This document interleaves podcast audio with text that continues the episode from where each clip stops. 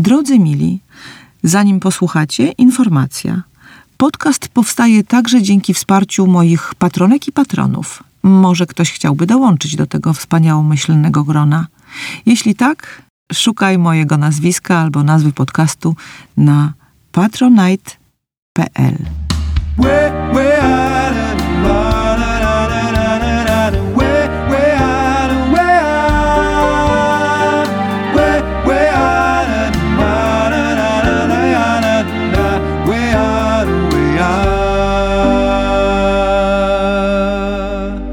kontrolę i zacznij żyć.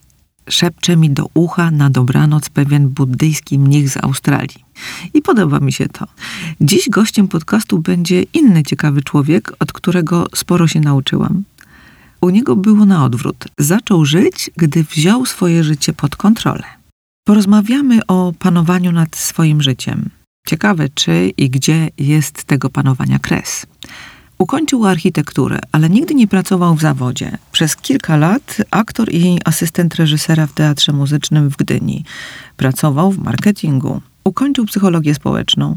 Ktoś mógłby pomyśleć sobie, matko, co za CV, ale naprawdę wszystko się przydaje.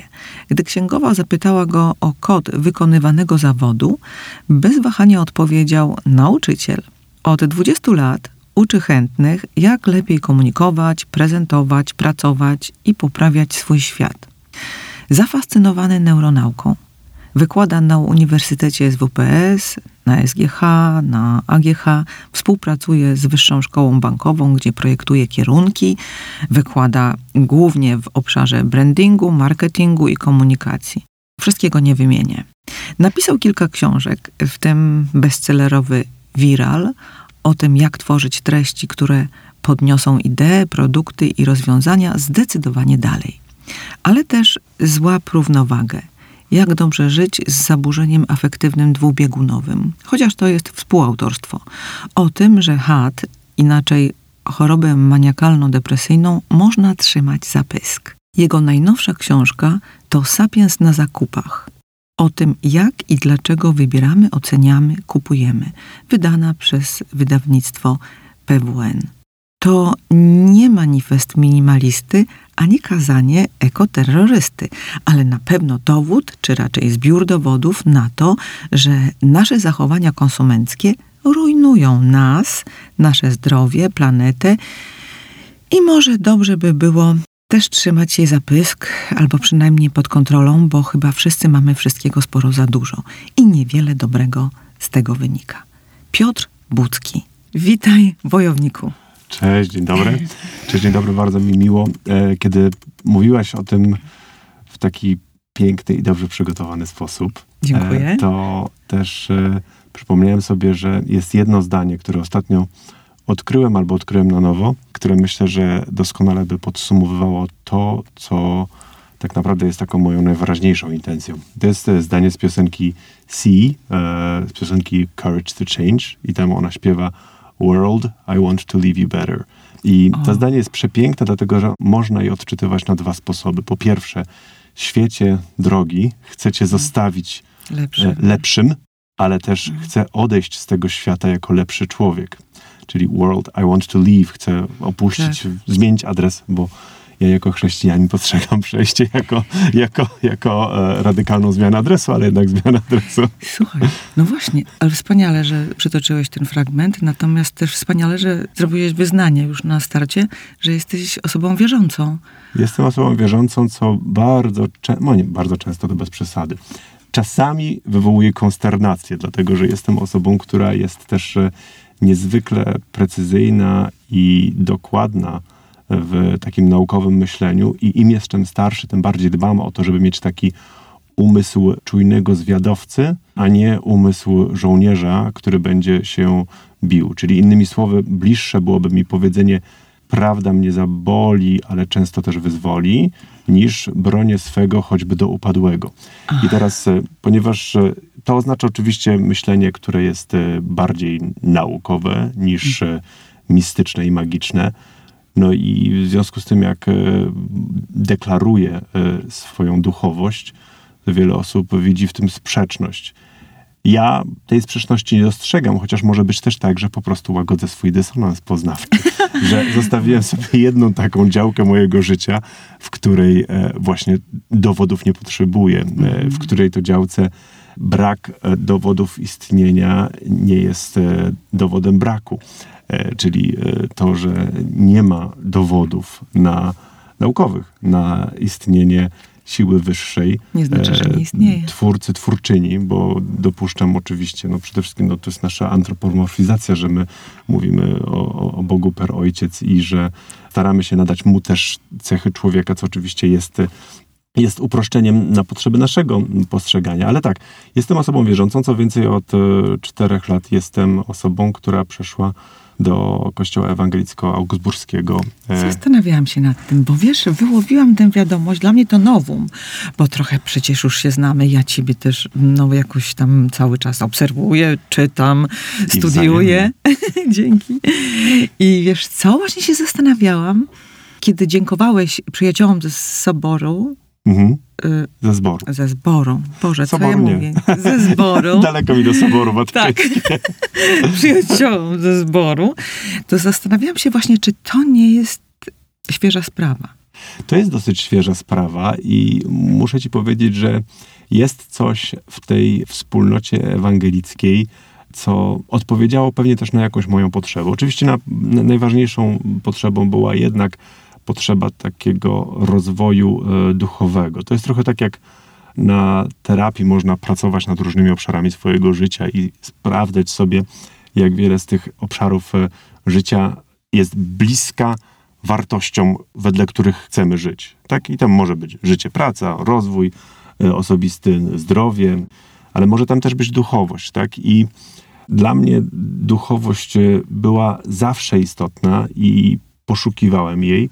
I nie wiem, czy to było przez przypadek, e, czy to było takie jednak e, nieuświadomione dążenie, ale tak e, poszedłem po prostu kilka lat temu w okresie Wielkanocy, który zawsze był dla mnie istotny, nawet kiedy byłem jeszcze w, w kościele katolickim, to poszedłem w okolicy Wielkanocy właśnie na nabożeństwa do kaplicy w kościele ewangelicko-augsburskim.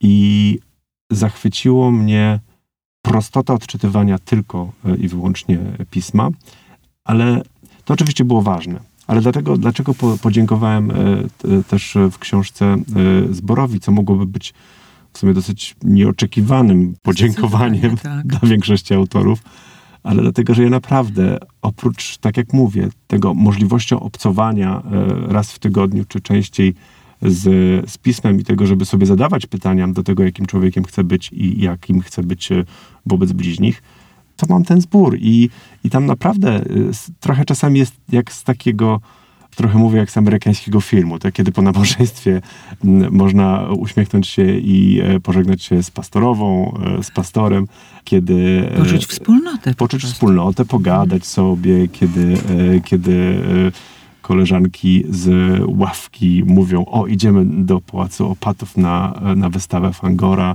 i to jest żywa bardzo społeczność.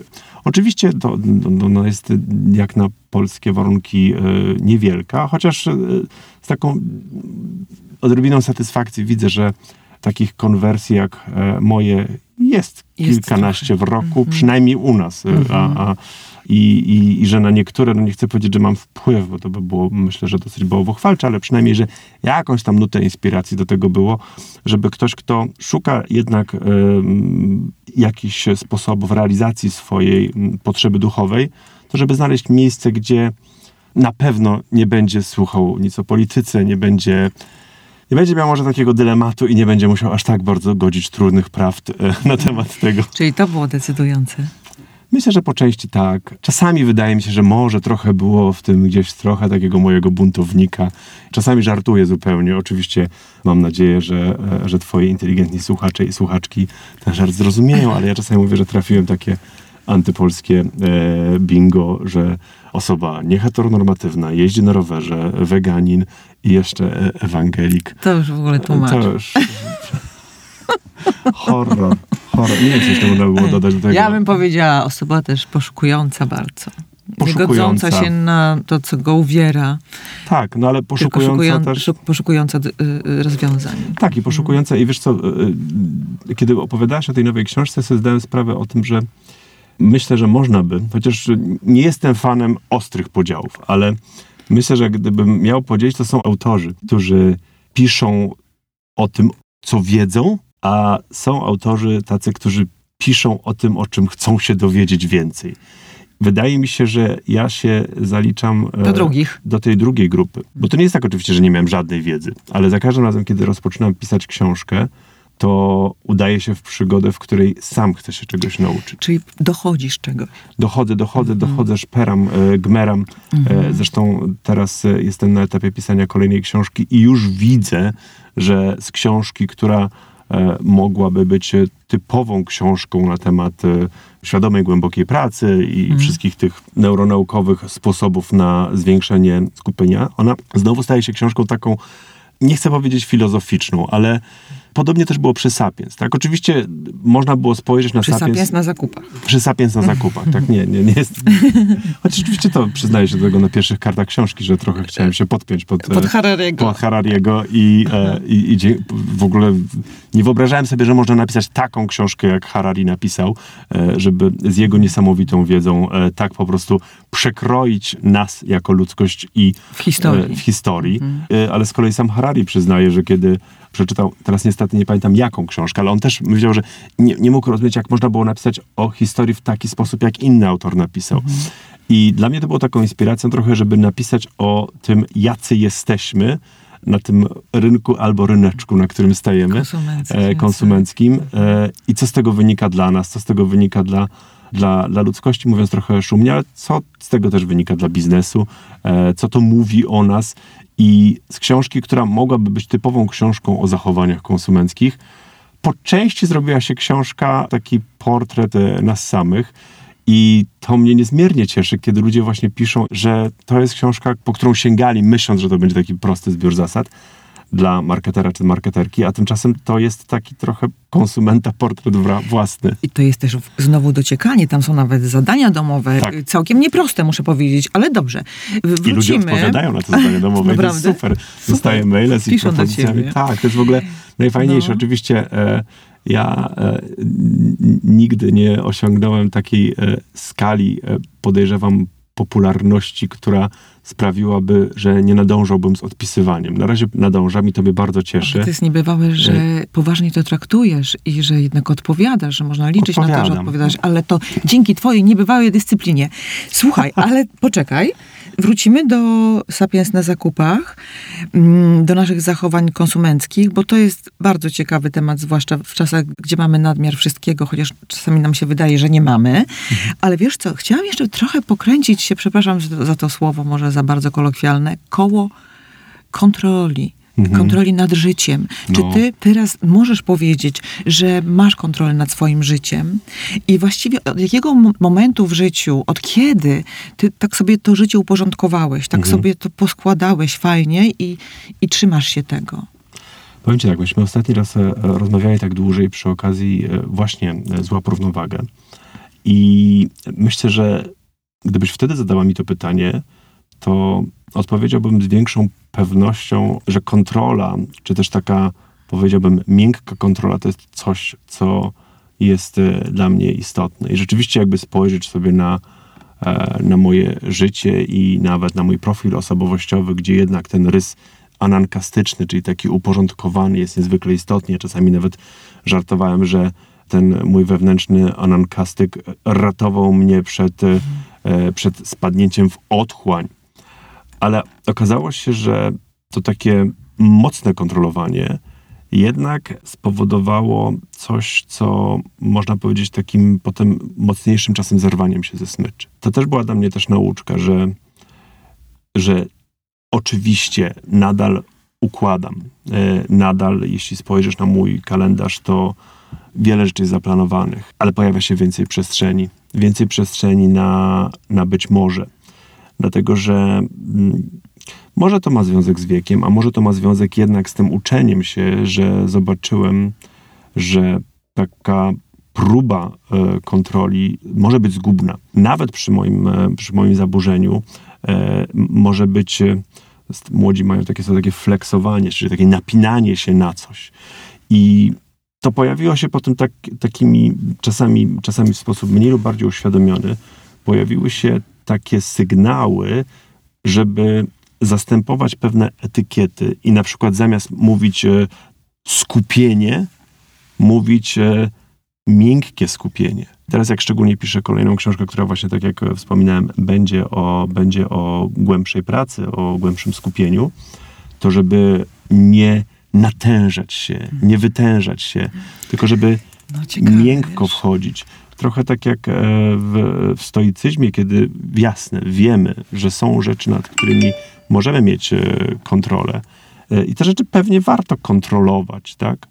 A może nie tyle co kontrolować, co umiejętnie i mądrze na nie reagować. To jest tak jak chociażby, nie wiem, spóźnienie pociągu, tak? Ostatnio jechałem do, do Warszawy na fantastyczne zajęcia ze studentami. To, że były fantastyczne, to się dopiero okazało po. Wsiadłem do pociągu o 5.30 e, z uśmiechem. Mówię, to będzie dobry dzień. E, Wiedziałem, że jeszcze w pociągu sobie dopracuję całe zajęcia, e, że no niskie jest prawdopodobieństwo, że, że coś może się stać po drodze. W końcu to pociąg z Gdyni do Trój, e, z, z Trójmiasta do, Do stolicy. do stolicy, do Warszawy. Wiedziałem, że na magistrali centralnej coś się popsuło, ale nie tutaj. No ale niestety popsuło się też i u nas. No i teraz tak, gdyby pociąg przyjechał planowo, to nie byłoby problemu, ale już mniej więcej w połowie drogi wiedziałem, że nie przyjedzie planowo. I wtedy przypomniałem sobie o czymś, co zrobiłem zresztą wcześniej, dlatego że ja mam coś w głowie takiego, co zresztą praktykował cesarz Marek Aureliusz, żeby się tak w dobrym towarzystwie postawić, że zawsze prekontempluję nieszczęście. W tym sensie, że nie wpadam w pesymizm, tylko sobie Tylko- zastanawiam się, co zrobię, jeśli ten pociąg nie przyjedzie na czas. Robisz coś takiego? Robię, robię, dlatego że oczywiście to nie chodzi o to, żebym ja przyciągał negatywną energię, tylko chodzi o to, że Żebyś był przygotowany na każdą sytuację. Każdą nie, ale na te, które są w miarę prawdopodobne, tak? Okej. E, I e, po pierwsze oczywiście przypomniałem sobie, że wcześniej już zapowiadałem tej organizatorce e, studiów, że w razie czego bardzo proszę o numer kontaktowy do kogoś, kto będzie mógł przekazać informacje. Potem, kiedy już oszacowałem, że rzeczywiście to spóźnienie będzie na tyle duże, że ja po prostu nie zdążę na start zajęć, to rzeczywiście wysłałem taki komunikat, który poprosiłem, żeby, żeby opiekunka, opiekunka tego dnia podeszła i odczytała studentom. Oni wiedzieli już, że ja się spóźnię, ale mieli też zadanie. I to zadanie było po pierwsze no, kontekstowo osadzone, bo powiedziałem im, w jaki sposób gorące stany emocjonalne, takie jak gniew i frustracja, mogą zamglić nasze myślenie. A to miały być zajęcia z krytycznego myślenia akurat. No, mogą, więc, mogą. Więc, więc mogą, więc mieli kontekstowo, no oczywiście wiedzieli kontekstowo, że dotyczy się to mnie, bo ja mogłem być w gorącym stanie Tak. emocjonalnym, w końcu pociąg się spóźniał. I to sprawiło, że oczywiście no, nie wpłynąłem na pociąg. Pociąg się nie, nie, nie mamy wpływu na rzeczywistość, ale mamy wpływ na to, e, albo może mamy wybór, jak na tę rzeczywistość e, zareagujemy. I oczywiście to nie jest tak, że ja zawsze jestem taki mądry, tak? Nie zawsze? Gorący stan, nie, nie jestem ani zawsze mądry i, i, i nie zawsze jestem zorganizowany. Nie zawsze się nie wkurzysz. I nie zawsze się wkurzam. Oczywiście się wkurzam, ale nauczyłem się już trochę inaczej na to wkurzenie reagować. Tak? To już. E, I zresztą w ogóle, tak jak patrzę sobie na, na, na moje stany emocjonalne, to e, ja najczęściej e, potrafię, rozumiem i działam w gniewie. Ja rozumiem gniew. Potrafię nawet gniew jako gorący stan emocjonalny przekuć na bardzo dobrą e, robotę. Tak? I, e, I te zajęcia, nie wiem, czy tylko w gniewu, oczywiście też duża była w tym robota tej, tej, tej grupy tych studentów, którzy byli fantastyczni. I to były naprawdę jeden z najlepszych zajęć, jakie Dobrze, miałem. dobrze. Wiesz, jest tyle wątków, które chciałabym poruszyć, y, jak mówisz, ale postaram się trzymać tej Mhm. przez siebie zaplanowanej linii. Niemniej musisz mi powiedzieć, jak wykorzystujesz gniew Jako konstruktywnie. jako paliwo do działania. Okej. Jako paliwo do działania. I oczywiście to nie jest takie łatwe, dlatego że oczywiście trzeba wiedzieć, jakie wybrać działanie wtedy, tak? I jak z tym gniewem operować.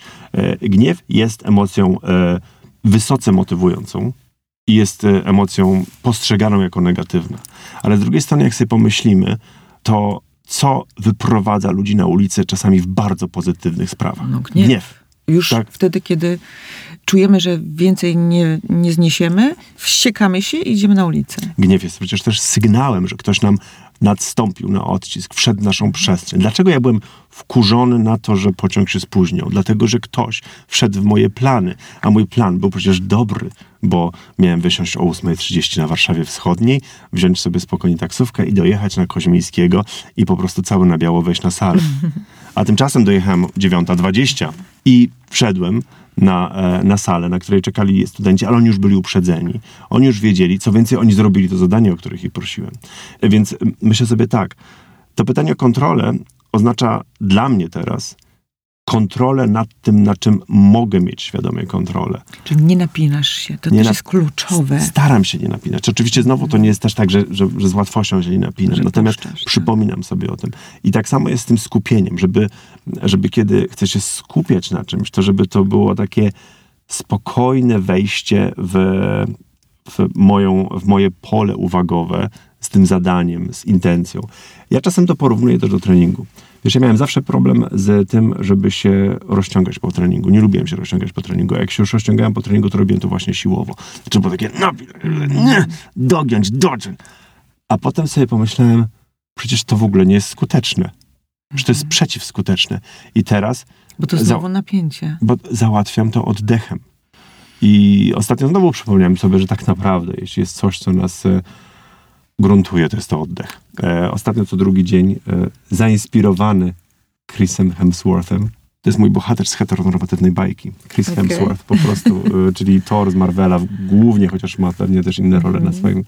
I on zrobił taki fajny e, serial Limitless i tam w jednym z odcinku jest o kąpielach w lodowatej wodzie. I ja sobie kupiłem taką rozkładaną balię, którą mam na tarasie e, i co drugi dzień wchodzę do tej lodowatej wody. E, Zimą? Zimą, mam nadzieję też, że latem, tylko wtedy trzeba będzie tam dorzucić trochę lodu, żeby było zimno. I tak naprawdę tam też przekonuję się, że oddech załatwia wszystko. To znaczy, jeśli spokojnie oddychasz, dłużej wytrzymasz w tej lodowatej Tak. wodzie? Dłużej wytrzymasz, ale poza tym też wchodzisz do niej łatwiej. No, Bo oczywiście, że organizm krzyczy, że robisz coś, co jest dyskomfortem. Ale to jest trochę tak, jak e, powiedział mój e, terapeuta na jednej e, z sesji, że no, najwyraźniej, panie Piotrze, pan opanowuje trudną sztukę odnajdywania komfortu w dyskomforcie. I myślę, że czasami są takie zdania, nie? Coś do ciebie padnie, takie zdanie i nagle rozumiesz wszystko. wszystko ci się wyświetla. Wszystko się wyświetla, tak? E, mm, to było to, takie, to zdanie. I rzeczywiście zdałem sobie sprawę, że rzeczywiście tak jest. I ono zresztą też trochę jest mottem e, na ostatni czas, że w zasadzie, jasne, ja nikogo nie nakłaniam do tego, żeby celowo szukać wszędzie dyskomfortu.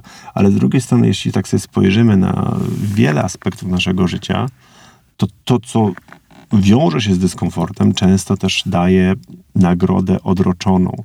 Często też sprawia, że to nasze przyszłe ja uśmiechnie się do nas, nie? I to jest na przykład, jak ja zawsze mówię, najlepiej się fantazjuje o pisaniu książki, ale o wiele trudniej się ją pisze, bo trzeba słuchaj, usiąść Trzeba usiąść, pisać. trzeba po prostu przewalczyć ten... Dyskomfort. Ten, ten, dys, ten dyskomfort i, i jeszcze ten nasz wrogo do nas nastawiony umysł, Tak. który działa y, w ten sposób, że, że zmusza nas do tego, co wygodne i przyjemne, a nie do tego, co pracochłonne. Bo nasze obecne, teraźniejsze ja zna lepsze sposoby na spędzenie czasu niż siedzenie, przepraszam, na tyłku przez kilka godzin i pisanie. Więc, więc ono znajduje inne sposoby, tak? A jeszcze, ponieważ nasze teraźniejsze ja niespecjalnie rozumie potrzeby przyszłego ja. A przyszłe ja to jest to ja, które podziękuje mi za to, że nitkuje zęby. To jest to ja, które podziękuje mi za tę kąpielę w lodowatej wodzie. I to jest taka, taka walka. Pamiętam, jak rozmawiałem z Włodkiem Barkiewiczem, który napisał e, książkę Kropki, zdaje się. Być może pomyliłem tytuł. e, Mam nadzieję, że. Włodek, Włodek mi to e, wybaczy, jeśli tak, ale pamiętam, że kiedy mu mówiłem o tych dylematach, tego właśnie tego bardziej, nazwijmy to, nazwijmy to dla uproszczenia, takiego saczego, bardziej takiego, takiego fajnego szczeniaczka w naszej głowie, który lata za wszystkim, co jest fajne, miłe i przyjemne, a tym, co dyktuje nam ta spokojniejsza kora e, mózgowa, taka Atena nasza, która mówi, dobrze, ale dobrze jest płacić e, regularnie ZUS i podatki, dobrze jest dla przyszłego ja trochę przeoszczędzić, dobrze jest dbać o zdrowie teraz, żeby ono było potem, no to to jest ten konflikt. I on, e, on pamiętam, jak on mówił, hmm, a nie widzisz w tym takiego też konfliktu pomiędzy e, złem a dobrem e, i tak dalej. Ja mówię, pewnie nie zawsze, bo czasami, czasami to, co jest lekkie, miłe, łatwe i przyjemne, ma absolutnie sens tu i teraz i ma sens dla przyszłości, tak? Tak też bywa. E, dlatego, i to trzeba zrozumieć, szczególnie jeśli ktoś e, ze słuchaczy albo słuchaczek ma taką tendencję do zbytniego katowania się na potrzeby tego przyszłego ja. I ja tak też ta, ta, tak miałem, że ta kontrola u mnie przyjmowała takie formy katowania się, także Okej. bez, e, tego, bez, No bez tego właśnie, na, ale- było napięcie. Nie? Czy coś się wydarzyło, że y, wrzuciłeś na luz? Wiesz co, e, pewnie nie nazwałbym tego zupełnym wrzuceniem na luz, taki wrzuceniem na luz kontrolowany, Mhm. Tak, czyli tak, że to tak. jest. Czy, coś się, czy coś się takiego e, zdarzyło? Wiesz co, no e, myślę, że trochę potknąłem się i straciłem, straciłem e, równowagę. Znowu pewnie myślę sobie tak, że, że straciłem tę równowagę w sposób w miarę kontrolowany, ale myślę też sobie, że to jest to, co kiedyś ktoś e, powiedział o e, znanych gwiazdach, że najgorsze jest e, na przykład nauk osoby bardzo bogatej, bardzo majętnej, bo ona ma iluzję kontroli, a dwa, że ma dużo pieniędzy. Ale I- chcesz powiedzieć, że straciłeś równowagę y, w odniesieniu do swojej choroby afektywnej dwubiegunowej? Pewnie tak, ale też e, w stosunku do, w stosunku do, do, do, takich, e, e, do takich używek, które były jakimś poszukiwaniem i właśnie być może poszukiwaniem omnipotencji, a nie tylko potencji. Ale jakich używek? e, No, Chemicznych? tak, też, też, też, Mhm. też. I takiego podkręcania się. Żeby i, być jeszcze bardziej efektywnym żeby być jeszcze bardziej i, i Mhm. wydajnym. I, e, I to też jest ciekawe, to jest oczywiście paradoksalne, dlatego że, e, że ja jestem osobą, która od e, 2014 roku nie pije alkoholu w ogóle No i do pory nie tknąłem alkoholu. Pamiętam o tym. Tak, tak i nie piję tego alkoholu i nawet przy tych potknięciach nie piłem alkoholu, ale było, było coś innego, co mi to co dawało. Różne były tropy, nawet e, jeden z terapeutów stwierdził, że być może, że być może chodzi o to, że ja być może mam ADHD i to e, i te substancje, czyli na przykład stymulanty powodują, że mogę, e, że mogę lepiej pracować. Nie wiem, nie chcę w to, nie chcę w to wnikać. E, Na razie wróciłem na ścieżkę równowagi, ale już właśnie bez tego, bez tego flexowania się, m, bez tego napinania się. Dlatego, że, m, że zauważyłem, że z kolei w, m, w potyczkach z uzależnieniami, nałogami, takie napinanie się, że, że, że nigdy więcej, że muszę to kontrolować, że muszę to, takie zadaniowe, sprawcze podejście może być, e, znaczy dla mnie, u mnie się po prostu nie sprawdzało, tak? U mnie takie, takie podejście, e, że powiedzenie sobie, okej, dobra, to teraz jest ten okres trzeźwości, trzeźwości rozumiany jako Szeroko. e, szeroko bardzo, ale że, ale że nie, muszę zakładać, nie muszę zakładać, że nigdy już się nic nigdy nie wydarzy. Bo nie jesteś robotem. Nie jestem robotem, nie chcę być robotem i co więcej nawet, ja jestem fanem, e, fanem teorii Sapira-Whorfa, czyli e, tego, że język nas stwarza i wpływa na nasze myślenie. I po trosze jestem też fanem badań Gregorego Waltona e, na temat tak zwanych małych interwencji, czyli sposobów, w jaki my mówimy o sobie, może wpływać na nasze nawyki. Czyli- I dlatego No, no. w mojej stopce jest napisane Piotr Ludzki Budzki. Cudownie.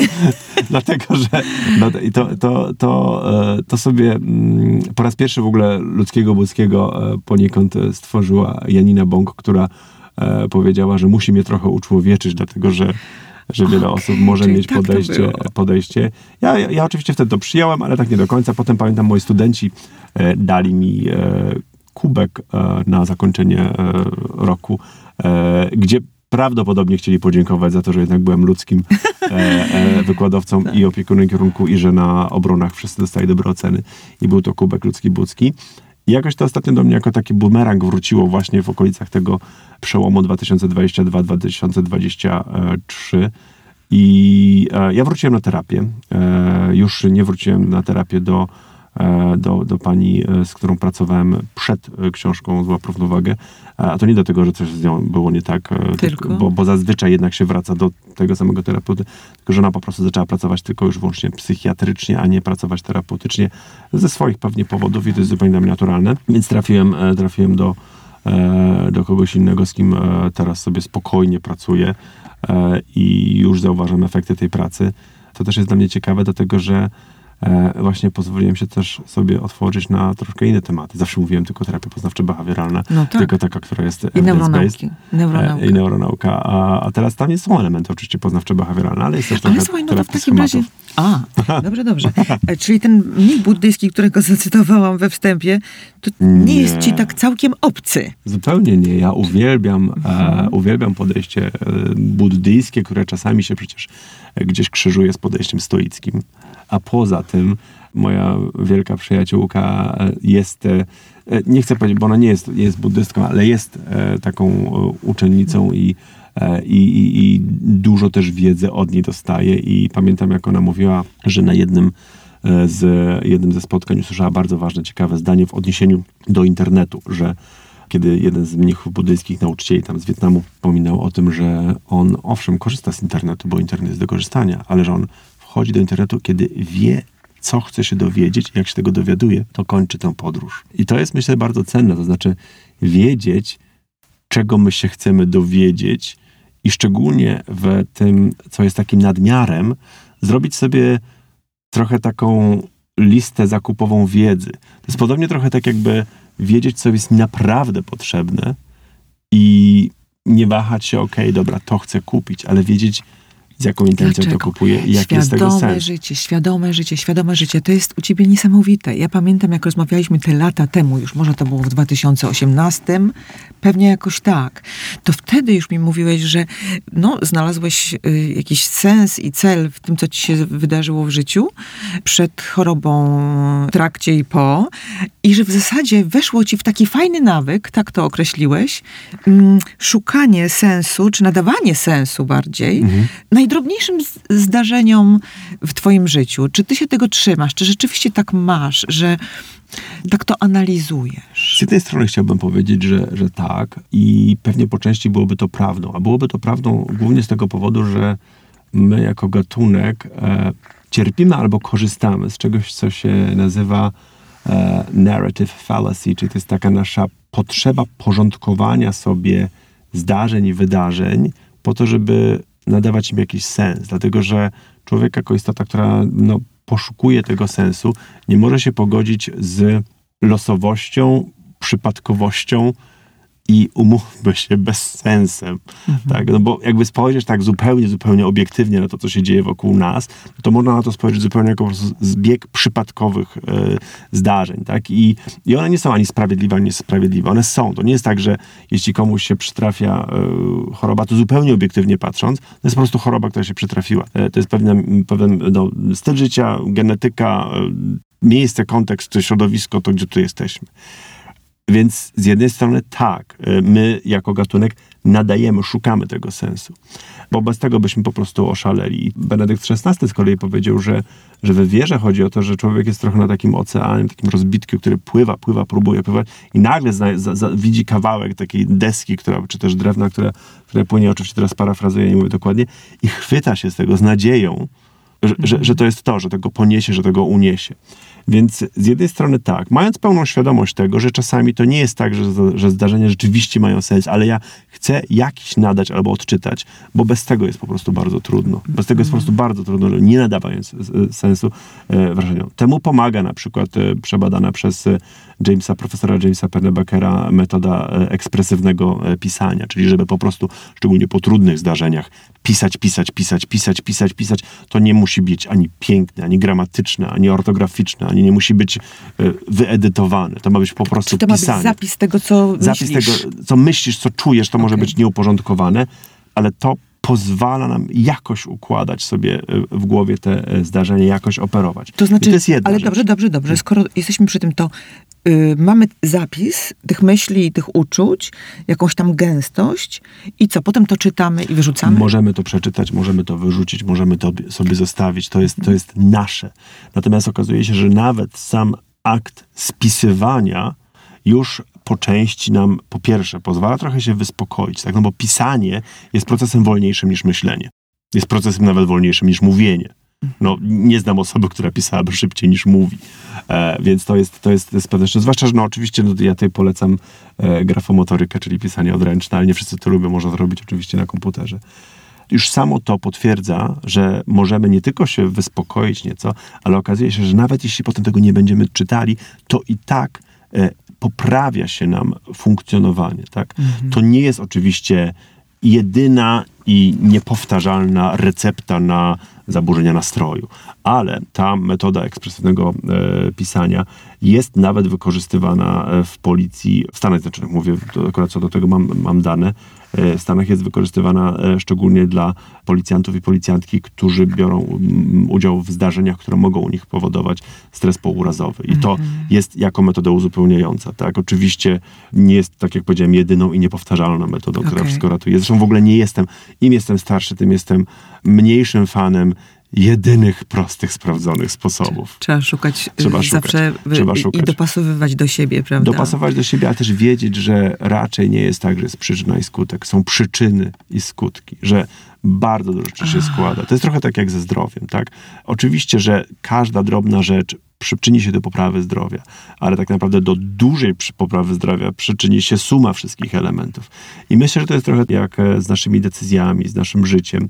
To nie jest tak, że jakaś jedna decyzja zmieni życie. E, oczywiście, kiedy sobie układamy potem, to, to łatwiej jest spojrzeć w przeszłość i powiedzieć, tak, to był ten jeden kształtujący moment, tak, Tak, to był ten jeden moment, kiedy wylądowałem tak. w szpitalu, albo kiedy, e, kiedy zdecydowałem, pamiętam tę rozmowę, pamiętam tę myśl. Jak ojciec mi coś tam Tak. powiedział, albo I mama. oczywiście to, to jest właśnie Tak. to fabularyzowanie. I ja, ja jak najbardziej rozumiem, bo człowiek jest istotą, która e, ma mózg, który uwielbia tworzyć historie. To jest oczywiście piękne, bo, bo my Tak. sobie to, to tak kształtujemy. Czasami potem te historie są w ogóle no, nieco odklejone od przeszłości, bo w końcu pamięć to też nie jest pamięć, którą bada przecież, zresztą doskonale profesor Maruszewski. Pamięć nie jest zapisem audio, wideo. Pamięć nie jest tym, co my tutaj teraz robimy. Pamięć jest usłużna, pamięć Pa- jest tak. wybiórcza. Pamięć, cierpimy na coś takiego, że egotyczne zniekształcenia pamięci. Kiedy Tak. im dalej od dalszego, od jakiegoś zdarzenia, tym bardziej my, w większości, oczywiście nie wszyscy, ale w lepszym świecie dla siebie widzimy, tak? No tak, wybielamy się, ale i to może być dobre, może być też niedobre. Ale Oczywiście. Dobra, wracając do najnowszej książki, Mhm. Sapiens na zakupach. To już na samym początku, bo tam kilka razy już, już prawie, że byliśmy w tej książce, ale teraz już będziemy na dobre. Piszesz y, już na samym początku, piszesz we wstępie, że jesteś w stanie zracjonalizować każdy ze swoich zakupów. Pozazdrościć. Znaczy, zracjonalizować, czyli sobie pięknie, zbudować sobie historię czy narrację, Znowu, tak. która pozwoli mi uzasadnić dla siebie, dlaczego zrobiłem to, co zrobiłem. Tak? To Mhm. jest takie wytłumaczenie. Pamiętam, jak kiedyś ktoś powiedział, że, że każda nawet najgorszy człowiek na świecie myśli, że robi coś dobrego. To jest oczywiście duże uproszczenie, tak? Ale myślę, że nawet ci dyktatorzy albo propagandziści, oni myślą, że oni robią coś naprawdę dobrego, tak? Niestety chyba tak myślę. E, I tak może być. Oczywiście nie wykluczam, że są ludzie tak bardzo cyniczni. działają z premedytacją, tak, merkantylni, i po prostu ich interesuje władza. I myślę, że to jest trochę też tak, że nie ma takiego zakupu, którego konsument by sobie nie wytłumaczył. Nawet jeśli on jest idiotyczny i nawet jeśli jest naprawdę niepotrzebny. I e, dlatego powiedziałem, że ja potrafię sobie te e, zracjonalizować, dlatego że e, jestem sapiens na zakupach, więc odpowiadam na te wszystkie sygnały, pokusy, kiedy widzę na przykład e, e, no chociażby, prześledźmy ten tak, no widzę tego Chrisa Hemswortha, jak pływa na Antarktyce w wodzie o temperaturze minus dwa stopnie i e, potem widzę, jak on tam e, na koniec odcinka podaje, jakie ma jeszcze nawyki, że to tam zimny prysznic i tak dalej i nagle widzę reklamę tej bali, którą mogę kupić. No tak, i teraz co, co ja mogę zrobić? No mogę oczywiście pomyśleć sobie, dobra, przecież zaraz, masz wannę w domu, równie dobrze możesz sobie do tej wanny napuszczać No wodę i ten zrobić. Nie, nie musisz mieć bali, tak? Nie musisz mieć tego. Ale jednak potrafię sobie, no nie, no ale dobra. Wanna nie pozwoli mi na pełne zanurzenie, nie? Co jest oczywiście bzdurą, jakby się bardzo posadem się zanurzył. Nawet w zlewie mogę się w pełni zanurzyć. No ale, nie.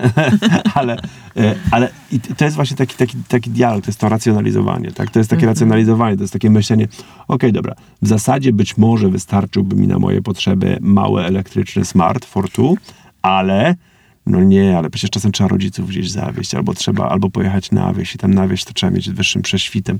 I oczywiście ja wiem, że to są dylematy, znowu trochę e, dylematy, które części ludzkości nie dotyczą, dlatego że część ludzkości e, mimo dużego postępu w tej dziedzinie, ale nadal e, żyje na takiej granicy ubóstwa, No tak. że to nie są dylematy ich, więc to czasami tak się łapie, myśląc o swoich dylematach, że panie Bucki, ale to są jednak dylematy ludzi pierwszego świata. To nie jest, to, to nie jest tak, że ktoś ma taki dylemat i że musi sobie racjonalizować, bo dla niego rzeczywiście, e, jeśli jest z tej, z tej, z tej grupy, e, która po prostu idzie i patrzy, jaka jest najniższa cena, to tam nie ma racjonalizowania sobie tego, tak? to, bo, bo to jest jakiś, jakiś procent populacji w Polsce i niestety w każdym, w każdym kraju.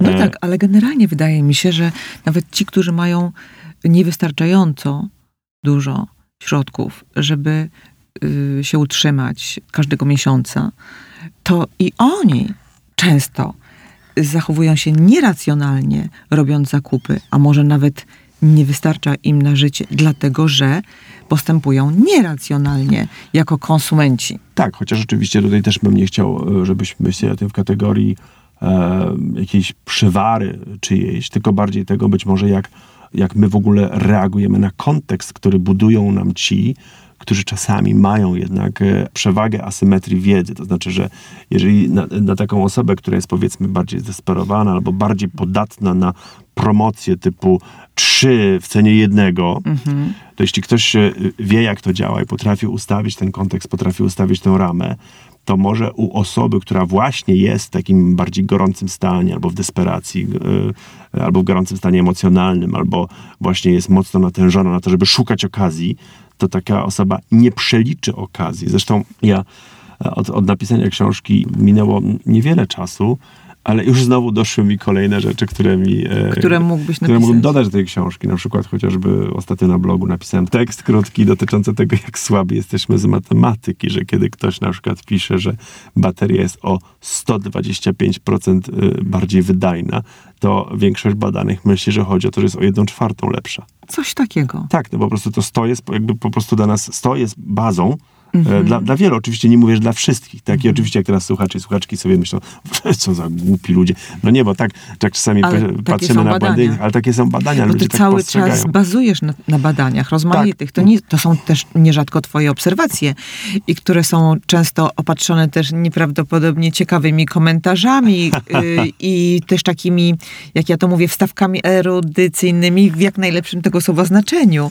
Bo mm, Lubię tę grę. to tak, lubisz, tę- ewidentnie i fajnie się czyta dzięki temu. Lubię tę grę i lubię tę grę, e, której nauczyłem się od Malcolma Gladwella, a mianowicie grę w przypisy. Co Mhm. oczywiście trochę sprawiło, że nie, nie chcę powiedzieć, że, że musiałem długo negocjować e, z redakcją, e, dlatego że pozdrawiam mojego redaktora Pawła Wielopolskiego, fantastyczny człowiek, który na pierwszej naszej rozmowie powiedział, no panie Piotrze, ja nie negocjuję.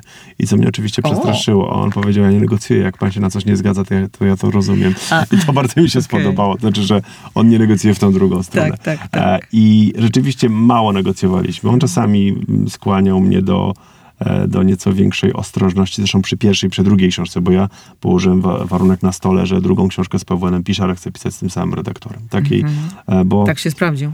Sprawdził się, a myślę, że to jest trochę tak, redaktor, jak ktoś pisze książkę, to myślę, że doskonale rozumie, że relacja z redaktorem to jest bardzo ważna Podstawowa, relacja. To jest tak. bardzo ważna relacja. No, musi być jest- chemia. To jest człowiek, który musi e, rozumieć moją intencję. Ja miałem bardzo duże szczęście do, do, do redaktorów i do redaktorek, bo pracowałem e, i z tymi i, i z tamtymi i nie mogę narzekać absolutnie. Panem Pawłem właśnie, tak jak wspomniałem, było o tyle ciekawie, że e, no oczywiście na początku on, to nie było tak, że nie, nie rozumiał tych przypisów, tak, ale ja powiedziałem, że naprawdę chcę, żeby się drugie życie tej książki toczyło w przypisach, że tam będą a, a jajki wytłumaczysz niespodzianki. jeszcze słuchaczom naszym drogim, y, zanim przeczytają książkę, co zrobiłeś wokół tych przypisów, żeby było ciekawiej?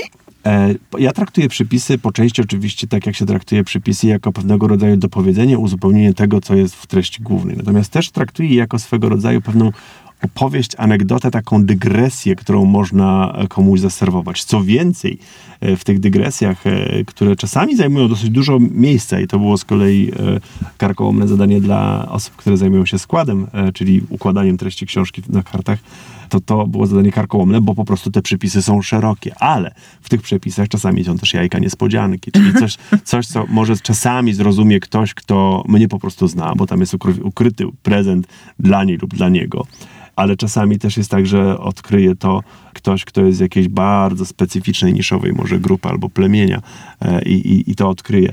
Każda kolejna książka to jest wielka przygoda. Z tą nie ukrywam, nie chcę powiedzieć, że to była droga prze, przez mękę, ale to była najtrudniejsza dla mnie książka. Ciekawe dlaczego?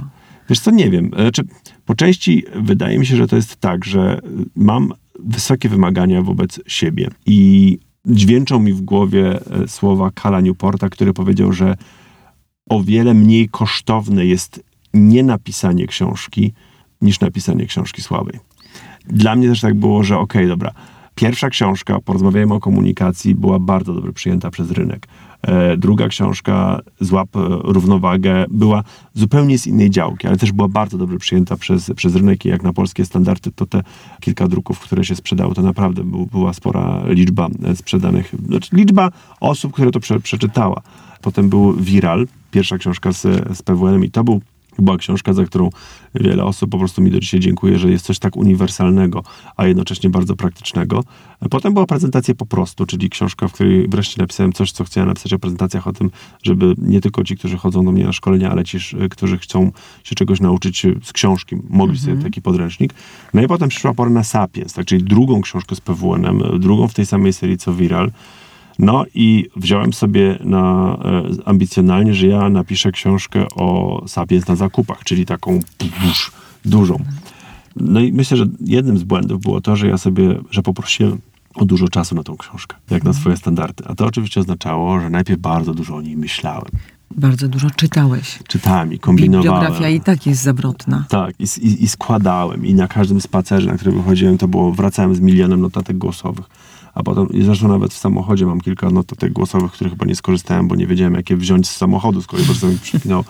I potem wyszło to, no dobra, ale ja lubię z kolei pisać książki, które mają e, jakąś strukturę, która jest wyraźna i czytelna. Mm, I to by się zmienił koncept tej struktury. Zmienił mi się tak, koncept struktury, bo na początku tak. miała być kultura i natura i to by było takie proste i zero-jedynkowe.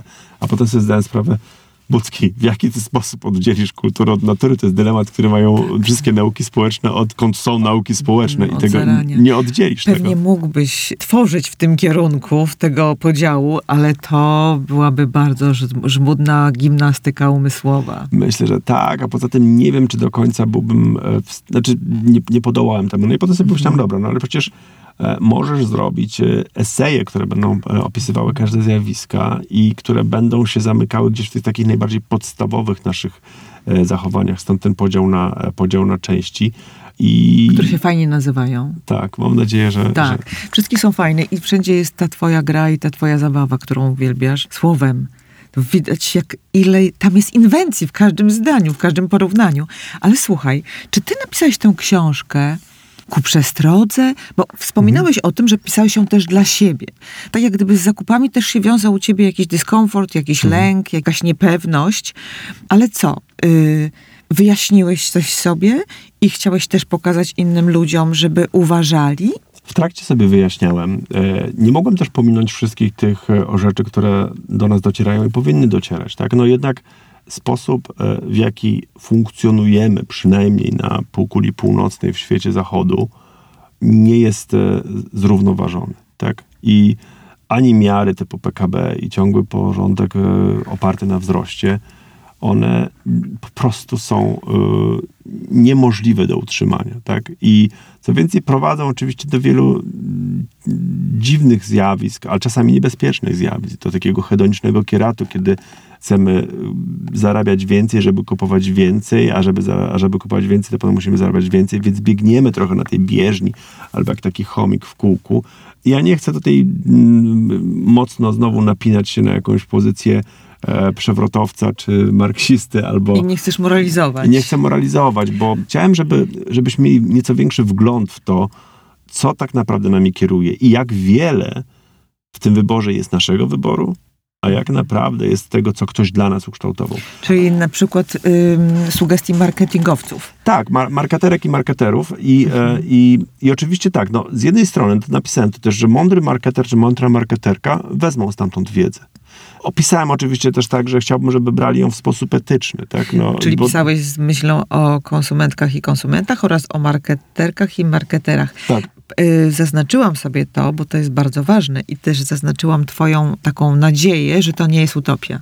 Że utopią nie jest zakładanie, że marketerzy i marketen, ten, Terki. marketenki y, będą postępować uczciwie. To znaczy nie będą kusić nas bezgranicznie. Bezgranicznie, ale poza tym myślę, że tutaj rzecz zasadza się też w intencji, też w świadomości. Chociaż oczywiście łatwo też swoją świadomość oszukać, ale czy rzeczywiście ta wartość, którą oferuje, jest komuś naprawdę potrzebna, tak? Czy nie robimy czegoś, co naprawdę jest niepotrzebne? No I.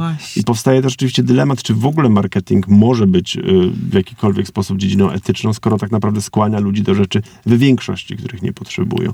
Ale potem przypomina mi się coś, y, co, co jest równie istotne, że przecież marketing to jest także to, co robi doskonale Greta Thunberg. Ona też robi doskonale No tak. marketing. I ona zwraca swoją uwa- ideę. Mhm. Sprzedaje swoją ideę, która, no, jakby nie patrzeć, jest ideą e, ważną i istotną. E, Czyli nie można potępić w czambu marketingu. nie, nie, nie można. I No. tak samo myślę, to jest, to jest podobnie zresztą jak przy Viralu miałem, że sam mechanizm i schemat powstawania treści wirusowej jest taki sam dla tak zwanego fake newsa, dla propagandy, dla miejskiej legendy, czasami nieszkodliwej przecież, tak? No, a, a czasami y, dla bajki, która rozchodziła się przecież kiedyś wirusowo, bajki, opowieści, przypowieści ludowej, jak i dla wirusowego rozprzestrzeniania się Wielkiej Orkiestry Świątecznej Pomocy jako akcji, No tak? tak. Czy też... Tam działają te też same mechanizmy. To są te same mechanizmy i, i bardzo byłoby źle, gdybyśmy, e, gdybyśmy karali narzędzie za to, że jest narzędziem. Natomiast oczywiście rzecz zasadza się na intencji. No i znowu, tak jak mówię... I na no- naszej znowu postawie, bo możemy Postawie się i temu wartościom. umieć i wartościom. Możemy się umieć oprzeć. Tak, tak. No, w wartościach i też myślę, że wiedzy i świadomości. To jest trochę też tak, jak ja patrzę na, na siebie, że, e, że widzę siebie i potrafię rozpoznać e, w większości przypadków, co na mnie działa, bo pewnie we wszystkich nie, ale też mogę dać sobie ten moment na wybór. To Viktor Frankl powiedział kiedyś, e, jeden z chyba z takich najwybitniejszych humanistów, oczywiście on jest twórcą terapii i człowiekiem, który przeszedł przez piekło Auschwitz i któremu chyba świat zawdzięcza tak dużo i żałuję w sumie, że nie jest aż, mam powiedzieć, lekturach obowiązkowych tak naprawdę, jego książki i jego podejście. E, I on powiedział kiedyś, że pomiędzy bodźcem a reakcją zawsze jest przestrzeń. Oczywiście znów parafrazuję i nie wiem, czy użył sformułowania zawsze, bo tak mi się wydaje, że dorośli ludzie nie powinni używać sformułowania zawsze, Ani nigdy, nigdy. i wszędzie. Natomiast, e, natomiast e, jest, e, w większości przypadków jest przestrzeń. Czasami nie musimy dawać sobie tej przestrzeni, tak? bo jeżeli bodźcem jest pociąg jadący na torach, a myśmy właśnie przechodzili przez tory, no to nie ma co sobie dawać przestrzeni na reakcję, tylko trzeba szybko, automatycznie Zwiewać, zareagować. tak. Ale z drugiej strony, jeżeli mamy bodziec pod tytułem widzę reklamę i szybko mamy reakcję, klik, Kupuję, tak. to nie może dać sobie przestrzeń, tak? Żeby pomyśleć, I żeby i- przeanalizować, I żeby to przeanalizować, potrzebne. czy naprawdę potrzebuję. Jaki jest sens tego zakupu? W moim ostatnim newsletterze nawiązałem do, e, do moich e, fantastycznego wyjazdu do Francji z moją przyjaciółką najlepszą. To było już e, 8 lat temu prawie, bo w marcu pojechaliśmy świętować Francję i świętować jej urodziny. Pojechaliśmy nie do Paryża, bo wiadomo, Paryż to nie Francja, tak jak Nowy Jork to nie Ameryka, a Ciekawe, co na to Paryżanie. no, pojechaliśmy do Bordeaux. Zresztą żona jest fanką Bordeaux e, i pojechaliśmy do Bordeaux i do Dordogne i tam e, w jednym z takich, e, e, nie pamiętam, małych muzeum w jakiej wi- wiosce, tam nikogo prawie nie było, to był marzec, Dordogne, e, da, nikt tam nie przyjeżdżał, to było cudowne właśnie, że tam byliśmy sami i było napisane e, sens de la visite, czyli po polsku kierunek zwiedzania, ale myśmy się tak bawili tym językiem i mówię sens wizyty. Y, Sens de la visite, czyli nie kierunek wizyty, tylko sens wizyty. Tak samo jak tam było extrait d'horaire, to było tam wyciąg z rozkładu jazdy, to mówię ekstrakty horroru. E, I bardzo nam się podobało takie tłumaczenia takich tak zwanych false friends. I tak ostatnio do mnie to wróciło, tak myślę, sens wizyty, czyli z jednej strony traktowane jako, okej, dobra, jaki jest mój sens wizyty tu, na tej ziemi, i jaki jest sens tej wizyty, tu u ciebie w studio, ale też jaki jest sens tego zakupu. Jaki jest sens tej rozmowy? Jak często zadajemy sobie takie pytania, bo może czasami okazałoby się, że coś jest po prostu bez, Bez sensu. sensu. Oczywiście to może zaboleć, tak? No bo jak człowiek się dowiaduje, że część rzeczy robi bez sensu, to czuje, że coś jest nie tak. Ale tutaj znowu chciałbym wszystkich uspokoić. E, robimy czasami rzeczy bez sensu I że właściwie mamy to w naturze. i mamy to w naturze, ale e, warto może z wiekiem się tego uczyć i może tutaj nawiążę do tego, do czegoś, co, co wczoraj e, usłyszałem podczas e, kazania, podczas e, tydzień modlitw o jedność e, chrześcijan e, jest teraz i wczoraj akurat u nas e, w kościele ewangelicko-augsburskim było nabożeństwo. Poszedłem na nie i nie będę żałował nigdy, bo akurat e, podczas kazania padły słowa, które tak się idealnie wpasowały w to, o czym teraz myślę. E, To było przywołane słowa kardynała Wyszyńskiego, że powiadacie, że czas to pieniądz. Tak, no większość osób mówi, czas to uzupełnia ci wszyscy pieniądz. Tak. A on powiedział, a ja wam powiadam, czas to miłość. I to ze mną tak zarezonowało. E, Myślę, że z każdą świecką zupełnie osobą, z ateistą, agnostykiem też by zarezonowało. Bo przecież jeśli przeznaczasz na coś czas, to to jest twoja miłość, którą dajesz, tak, osobie, e, na, na rozmowę, światu dajesz, dajesz miłość i czasem wiem, że tak na poziomie, jak sobie tak spojrzysz na branżę marketerów, marketerek, e, mnie w tej branży, to są różne figury tam i każdy z nas odnajduje swoje miejsce. Ja czasami tak sobie widzę, że ja trochę tak odpływam zawsze w kierunku No. etyczno-filozoficznym, bez przygotowania być może, ale myślę, że to są rzeczy do pogodzenia, że, Mhm. że, że może być tak, że można być, e, że może dobrym pomysłem byłoby właśnie promowanie, że czas to nie pieniądz, tylko że, znaczy czasem, czasem czas to pieniądz, oczywiście, tak? Ale fajnie by było, żebyśmy przyjęli. Ale że czas to miłość, miłość. tak, że jeżeli Mm. decyduje się na to, e, żeby, to, to czasem może być miłość dla siebie, piękna miłość, proszę się w sobie zakochiwać, No właśnie, że daję czas bo sobie, bo pokochamy- siebie kocham. Pokochamy, jak będziemy siebie kochać Tak. i zostaniemy też pokochani pewnie szybciej, jeśli będzie widać, że jesteśmy z sobą w zgodzie, prawda? Nat King Cole, prawda? No. The greatest thing you ever learn is just to love and be loved in return. Czyli największą rzeczą, którą się kiedykolwiek dowiesz, najważniejszą jest to, żeby kochać i być kochanym. Mhm. E, kochać i być kochaną również, szanowne słuchaczki. Dobrze, jesteśmy politycznie poprawni cały czas. Ja jestem fanem feminatywów. No. Dzisiaj przebrałem się za Maxylona. Przepraszam. Ale to jest- słuchaj, wiesz co? To jest Ja ostatnio redaktor- słuchałam, no no. Słuchałaś jego wystąpienia? Nie, Redaktora nie, polecam nie, nie. wszystkim. Ja myślę, że to prędzej później dotrze. To jest człowiek, który zrobił rzecz niebywałą, a mianowicie, nie mówię, że wszystkich, bo wszystkich zatwardziałych e, przeciwników feminatywów się nie przekona i pewnie się z tym warto też pogodzić, ale on zrobił rzecz niesamowitą, jak się spojrzy na wiele komentarzy pod jego wystąpieniem z TEDxa z Katowic, które niedawno się Zam- ujawniło na, Mhm. na YouTubie, to widać tam, że przekonał mnie pan. Byłam gorącą przeciwniczką, albo chłop mnie zaorał, sprawił, że musiałem pomyśleć i, i rzeczywiście on to robi w doskonały sposób. Ale wiesz co? Słyszałam taką teorię. W miejscu, y, gdzie używa się mm, namiętnie feminatywów, czyli w Radiu Tok FM, że to prawdopodobnie będzie tak, że teraz będziemy walczyć o upowszechnienie ich, a potem znowu wrócimy do tego, że nie ma kobieta, nie ma mężczyzna, tylko jest człowiek. Pewnie tak. Tylko wiesz, nasz e, problem, e, znaczy problem, wyzwanie polega na tym, że nasz język jest językiem, którym rządzi rodzaj. E, Gdybyśmy byli Tak. Węgrami Na czy przykład- Finami. Albo Persami. E, Tak, to, to w byśmy nie... perskim też właśnie tak, nie ma i, a tego nie wiedziałem. Zobacz, wie, wiem, że w, w węgierskim, w węgierskim i w fińskim. Co oczywiście nie sprawia, że te języki są, znaczy, że w tych społeczeństwach nie ma żadnych problemów z No seksizmem, nam- mizogonią i Tak, tak bo dalej. w Iranie teraz jest, ale Jest. może kiedyś nie było. Ale może kiedyś nie było. W No. każdym razie oczywiście język nas stwarza, ale też my stwarzamy język i ja zresztą też zrobiłem taki zabieg w mojej książce, który był e, dla niektórych przedziwny, a mianowicie u mnie w czasownikach czasie przeszłym czytałeś, czytałaś, wiedziałeś, wiedziałaś. E, Nie robię wymiennych form, raz taką, raz taką, e, tylko samogłoskę zastępujemy asterixem, czyli gwiazdką. E, Bo to jest taki zabieg, taki chochlik percepcyjny, bo jeżeli widzisz coś takiego, to ty to czytasz i sobie prawdopodobnie uzupełnisz to jako czytałaś, Tak. albo czytałam, a, a ja sobie czytałem, czytałeś, nie? Czyli sobie zastąpimy tą samogłoskę wedle naszego uznania. I a propos feminatywu, no to jest trochę tak. Ja e, uznaję, że podobnie zresztą jak redaktor Maxelon, nie ma co kogo zmuszać, że jeżeli na przykład, jak się dowiedziałem kiedyś, pani prezydent Dulkiewicz nie chce być prezydentką, tylko chce być panią prezydent, to nie ma co e, na nią... E, jak tak. To, naskakiwać. Trzeba tak. jej dać ten wybór. tak, dać wybór. Mhm. Moja przyjaciółka na przykład e, też woli, żeby mówić o niej pani psycholog. Albo pani redaktor Pani naczelna. redaktor- tak. Natomiast jeśli jej zastępczyni chce być wiceredaktorką To albo wiceprezeską, to nie to- można jej tego zabraniać. Właśnie. I o to chodzi. Tak, Właśnie tak. o tę zgodę na to, jak kto Zgoda, chce. tak, prawda? zgoda jak ktoś chce, ale też uszanowanie, jak ktoś Właśnie, chce być. Tak? Bo w właśnie. sumie, nawet jeśli ja bym poprosił, żeby wszyscy się do mnie zwracali e, e, per szuflada, no to proszę mówić do mnie szuflada. Czy, jaki to jest koszt dla kogoś mówić do mnie O szuflada? to chodzi. Nie? Ostatnio tłumaczyłam to jednemu panu, który mówi, że nie będzie mówił na Romów Romowie, tylko Cyganie. Mhm. Ja mówię, okej, są tacy Cyganie, którzy nawet wolą, jak się na nich mówi Cyganie. Ale jeżeli są tacy, którzy chcieliby, żeby mówić do nich Romowie, to dlaczego nie mówić? Tak. Dlatego, że sobie umyśliliśmy, że wiemy lepiej. Wiemy lepiej. To Ale mają być Cyganie. Tak, no bo to jest, to jest wtedy właśnie to e, bronię swego, choćby do upadłego. Choćby do upadłego. Choćby do upadłego. Właśnie, będziemy puentować i może poproszę na puentę komentarz do takiego fragmentu z twojej książki.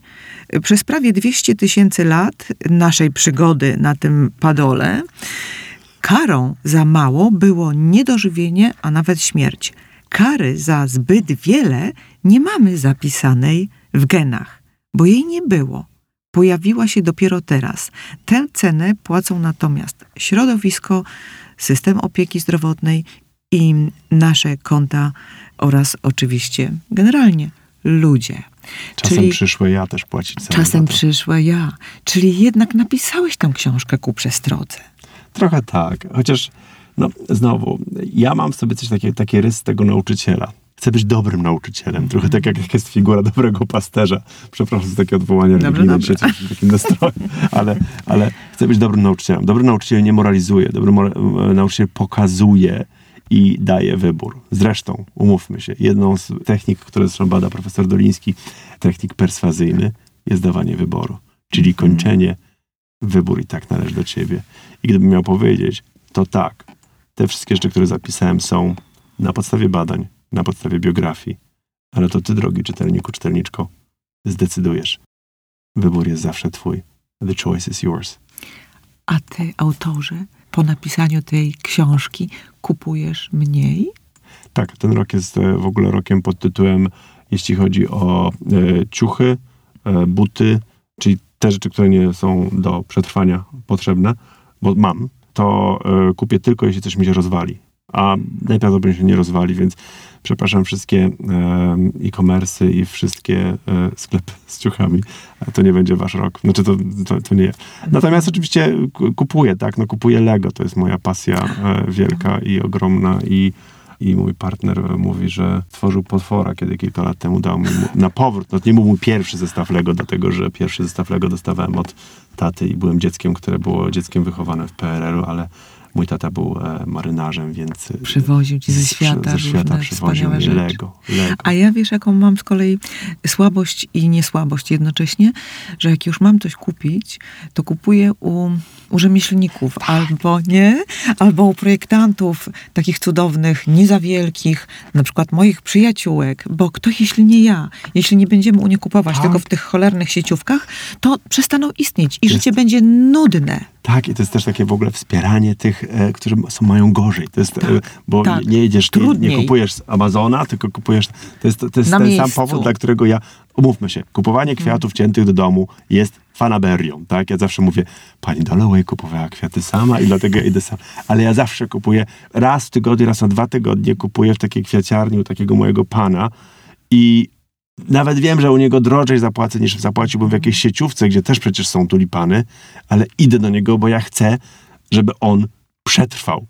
Właśnie. Dlatego też kupujemy nawet te jagody przy drogach, No. albo nawet grzyby, chociaż czasami trochę się boję. Ja sama zbieram Tak. grzyby. Ale właśnie, do tego mam swoją historię, swoje Tak. uzasadnienie. To jest świadomy zakup. To, to jest świadomy chcę zakup. kupić nawet jeśli zapłacę ciut drożej, nawet czasami chętnie płacę ciut drożej, bo, bo chcę go docenić. Tak, nie? tak. A poza tym no, to masz już wtedy taki bezpośredni e, kontakt z tą osobą, która coś wytworzyła, tak? I, i to jest, to, to też, to też To jest jakaś, fajne. jakaś Ale rzecz. zobacz, to jeszcze na zakończenie, widzisz, muszę cię wykorzystać. To powiedz, jeśli my będziemy się w ten sposób zachowywać, to będziemy, nie wiem, podkopywać gospodarkę, bo... No jest taki dylemat, ale proszę Państwa, to niech się ktoś mądry ogarnie i niech stworzy taki system, który nie będzie polegał na tym, że musimy wyrzymać planetę do granic wytrzymałości po to, żeby budować ciągły wzrost, po to, żebyśmy musieli zarabiać więcej pieniędzy, a bardziej więcej się zadłużać, po to, żeby w efekcie dojść gdzieś i tak do ściany. I ja kiedyś zadałem takie pytanie. Oczywiście jestem lajkiem, jest ekonomii klasycznej. Yy, Najwyżej behawioralnej. Behawioralnej, tak. Ale zadałem kiedyś pytanie mojemu, mojemu przyjacielowi, który jest finansistą i biegłym referentem i zapytałem go, słuchaj, a co by się stało, jakby było cały czas zero? PKB. Co by się stało? Bo nie wiem, bo cały czas nas przestrzegają przed tym, że, że musi być wzrost. Ale dlaczego musi być wzrost? Dlatego, żeby, że, że co, co? Co się stanie, jak nie będzie wzrostu? Masz rację. Niech się ogarną, niech się przeorganizują. Niech się ogarną, bo i tak na razie teraz wzrost- nie jest fajnie. Bo i tak na razie wzrost póki co ląduje w kieszeniach kilku osób. I nie, znowu brzmi Bo jak lewak w ogóle odtrącony w rzeczywistości. Ale- Do mojego bingo po- antypolskiego dodaliśmy jeszcze lewaka. Słuchaj? Ale, Ale... ale, muszę ci powiedzieć, że te lewackie treści też są mi bliskie. Zastanawiam się czasami, czy rzeczywiście wierzę w to, co mówię, ale no jakoś tak mi jest bliżej czasem. Bardzo ci dziękuję, mi jest Piotrze. też bliżej im jestem, e, im jestem starszy. No I to jest przyjemne. No. Dziękuję Dzięki. bardzo. Dzięki piękne.